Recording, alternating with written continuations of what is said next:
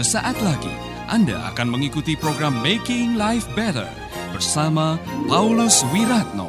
Selama 15 menit ke depan, Anda akan belajar membuat kehidupan lebih baik.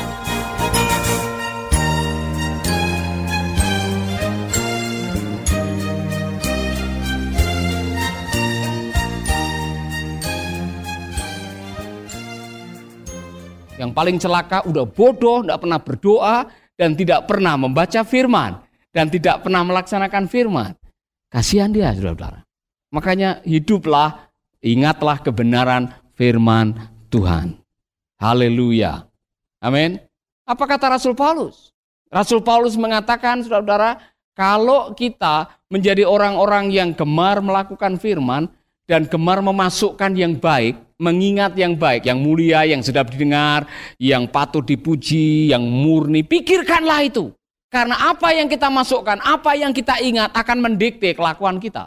Maka kalau saudara mengingat kebenaran, hidup dengan kebenaran, ingat janji Tuhan. Janji Tuhan itu yang akan menjadi kekuatan pada waktu kita menghadapi kesulitan. Ingat nenek moyang kamu waktu keluar dari Mesir. Ingat waktu kamu kelaparan di padang gurun apa yang dilakukan Allah Bapa kepada kita. Kita makan roti mana. Ingat pada waktu kamu kehausan apa yang terjadi. Tuhan pakai Musa untuk mendatangkan air dari sebuah batu. Ingat, mengingat kebaikan Tuhan itu mendatangkan kekuatan dan memperkuat iman. Maka sering-seringlah membuat jurnal karena jurnal itu menolong saudara mengingat kebaikan Tuhan dalam hidup saudara. Amin. Efraim, Tuhan membuat aku menjadi fruitful nanti ketemu dengan Yusuf di surga, ajak dia makan siang. Kemudian suruh dia sharing, Bapak Yusuf, Bapak pernah menyangka enggak waktu dulu di penjara itu bahwa Bapak suatu saat akan keluar dan menjadi orang nomor dua di sebuah negara adidaya yang namanya Mesir. Dan dipercaya untuk mengelola masalah ekonomi, pertanian dan sebagainya di negara itu. Saya yakin Yusuf akan jujur dengan saudara. Saya tidak pernah menyangka bahwa Tuhan akan memakai saya seperti tak. Saya tidak pernah menyangka dipertemukan dengan orang di penjara yang bisa menjadi penghubung. Saya tidak pernah menyangka bahwa semua itu bisa terjadi. Saudara-saudara, inilah cara Tuhan memimpin hidup kita. Dia menyingkapkan sedikit demi sedikit dari mimpi yang pernah dia berikan. Sedikit demi sedikit. Tuhan tidak menyingkapkan langsung semua di hadapan saudara. Ini loh rencanaku untuk kamu dibuka semua. Karena kalau dibuka pasti saudara kaget. Saudara tahu bahwa Tuhan punya rencana yang luar biasa bagi hidup saudara dan saya? Saya yakin Tuhan punya rencana yang luar biasa. Untuk mencapai ke rencana itu, ingatlah kebaikan Tuhan, lupakanlah kepahitan. Itu aja. Nah untuk melupakan kepahitan diperlukan keahlian. Saya mau tanya ini, kalau saya punya air ini, dalamnya pahit. Karena isinya adalah daun pepaya yang baru peras, yang warna hijau itu. Bagaimana caranya supaya air ini menjadi enak, menjadi manis? Kalau saudara tidak bisa membuang seketika, apa yang saudara lakukan? Isi dengan air putih atau air gula terus menerus, lama-lama yang pahitnya keluar. Sama dengan hidup kita. Kalau terlalu banyak pahitnya, sekarang jangan masukin yang pahit lagi. Nah sudah sudah tahu pahit, sudah tahu banyak yang pahit, nyanyinya lagu pahit lagi. Sakitnya tuh di sini. Di... Loh, saudara tambah nangis lagi, iya kan? Tambah pahit lagi, mengenang lagi, memperkuat memori saudara sulit untuk dilupakan. Lebih baik saudara menyanyikan janjimu seperti fajar pagi. Lebih bagus kan? Jadi kalau sudah tahu hidupnya pahit, jangan nyanyi lagu-lagu yang pahit. Jangan juga bergaul dengan orang-orang yang pahit. Orang pahit ketemu orang pahit, ngomong pahit tambah pahit. Ketemu orang-orang yang manis. Sudah-sudah senyum manis, yang ngomong positif, bukan yang negatif-negatif. Amin. Udah jelas-jelas tukang bikin hoak, ketemu dengan orang yang gemarnya hoak, tiap hari hoak-hoak. Bikin celaka banyak orang. Amin. Rahasia untuk berhasil yang pertama apa tadi? Melupakan. Makanya saya setuju dan saya setuju sekali dengan apa yang dikatakan oleh Rasul Paulus. Aku telah melupakan apa yang ada di belakangku. Saudara harus mampu melupakan. Kalau tidak minta Tuhan tolong seperti Yusuf. God cause me to forget. Ada bagian-bagian yang saudara tidak bisa. Saya harus mengatakan kepada saudara-saudara, kalau saudara tidak bisa melupakan, saudara akan celaka. Karena dalam hidup ini orang yang paling dekat sekali, yang satu kantor, satu asrama, satu rumah, satu gereja, bisa membenci saudara, bisa mengkhianati saudara. Tidak ada yang tetap di dunia ini, esok dele sore tempe. Hari ini saudara disenyumi orang, Pak saya diberkati dengan khotbah Bapak, di belakang ngomongin, itu banyak. Jangan kaget saudara-saudara. Tapi hidupmu tidak ditentukan oleh orang yang ngomongin saudara. Hidupmu ditentukan oleh apa omongan Tuhan, namanya firman. Amin. Masih bersama Paulus Wiratno di Making Life Better. Bisa melupakan mereka? Anggaplah mereka adalah variasi hidup dalam hidup saudara. Dia pernah singgah dalam hidup saudara. Dalam hidup ini ada yang sebagian orang hanya singgah sebentar, pernah bikin pemanis dalam hidup saudara. Yang pahit-pahit tidak usah diingat. Amin. Ingat yang manis-manis. Haleluya. Kemampuan ketiga yang saudara harus miliki dan ini yang menjadi faktor penentu keberhasilan Yusuf adalah reframing your life.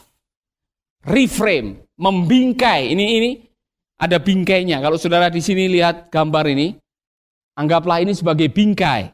Foto akan menjadi manis kalau ada bingkainya.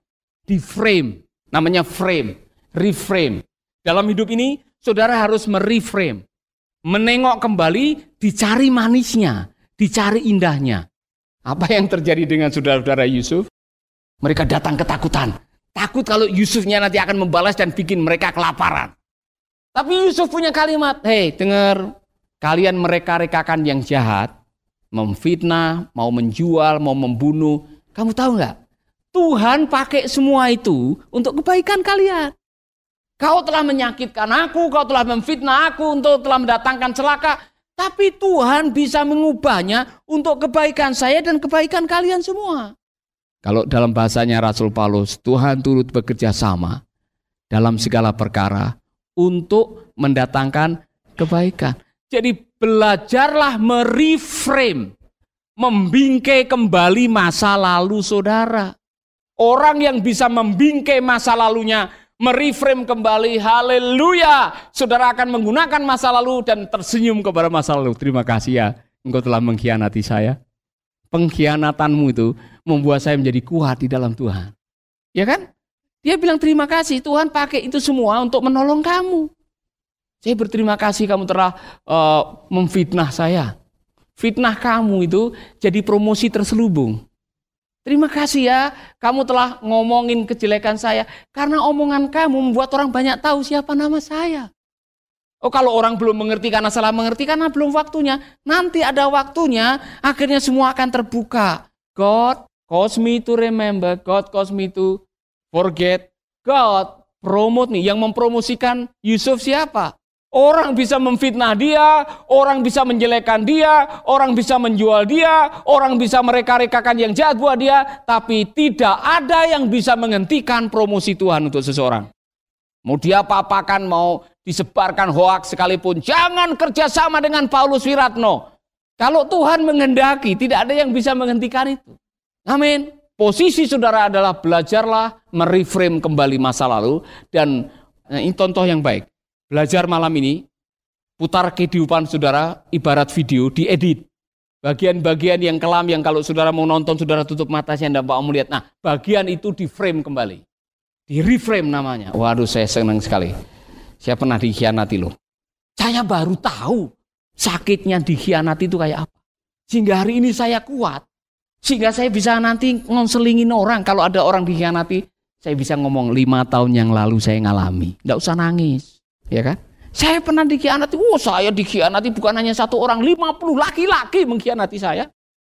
Coba saudara bayangkan, kalau orang mau konseling kemudian saudara mengatakan saya ini selama hidup sudah pernah dikhianati 50 kali. Tapi saya kuat, saya tegar dan saya belajar belajar mengampuni. Orang itu pasti akan terhibur. Belum belum mendengarkan konseling selanjutnya, baru mendengar pengalaman saudara 50 kali saya dikhianati. Orang itu pasti langsung ngerasa confident. Nah inilah cocok ini, akan jadi konselor saya ini. Ya kan? Apa yang ingin saya katakan? Pada akhirnya, belajarlah nge-reframe. Membingkai kembali masa lalu saudara. Gunakan yang baik, lihat baiknya, pakai ke masa depan. Itulah rahasia kemenangan Yusuf, luar biasa. Melupakan, mengingat, dan membingkai kembali. Melupakan, mengingat, dan membingkai kembali. Amin.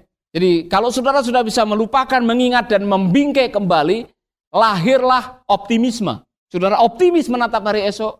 Karena kalau semua Tuhan turut bekerja sama dan Tuhanlah yang mempromosikan kita, Tuhan yang memakai kita. Ngapain menyesali terus masa lalu? Hidup ini perlu dirayakan, bukan terus disesali. Amin. Hari ini harinya Tuhan.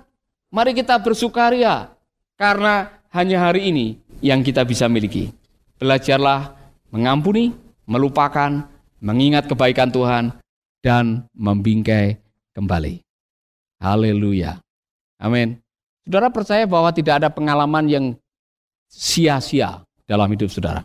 Di hadapan Tuhan, ternyata itu semua diizinkan oleh Tuhan harus saudara lalui. Karena nanti pada waktu saudara menghadapi hal yang sama di kemudian hari, saudara punya modal. Oh, saya pernah juga menghadapi orang kayak begini. Difitnah, diomongin, udah biasa. Ngapain saudara cuek nggak bisa tidur gara-gara omongan satu orang. Hidupmu tidak ditentukan oleh kata orang. Amin. Yang penting kau mengingat kebaikan Tuhan, hidup dalam firman, belajar menjaga diri. Tuhan akan tolong saudara. Haleluya.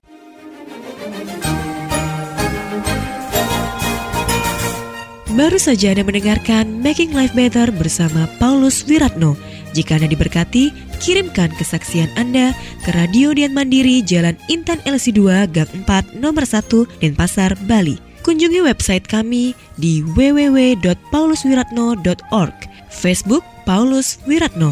Hubungi kami di 081 338 665500. Sekali lagi 081 338 665500. Terima kasih, Tuhan memberkati.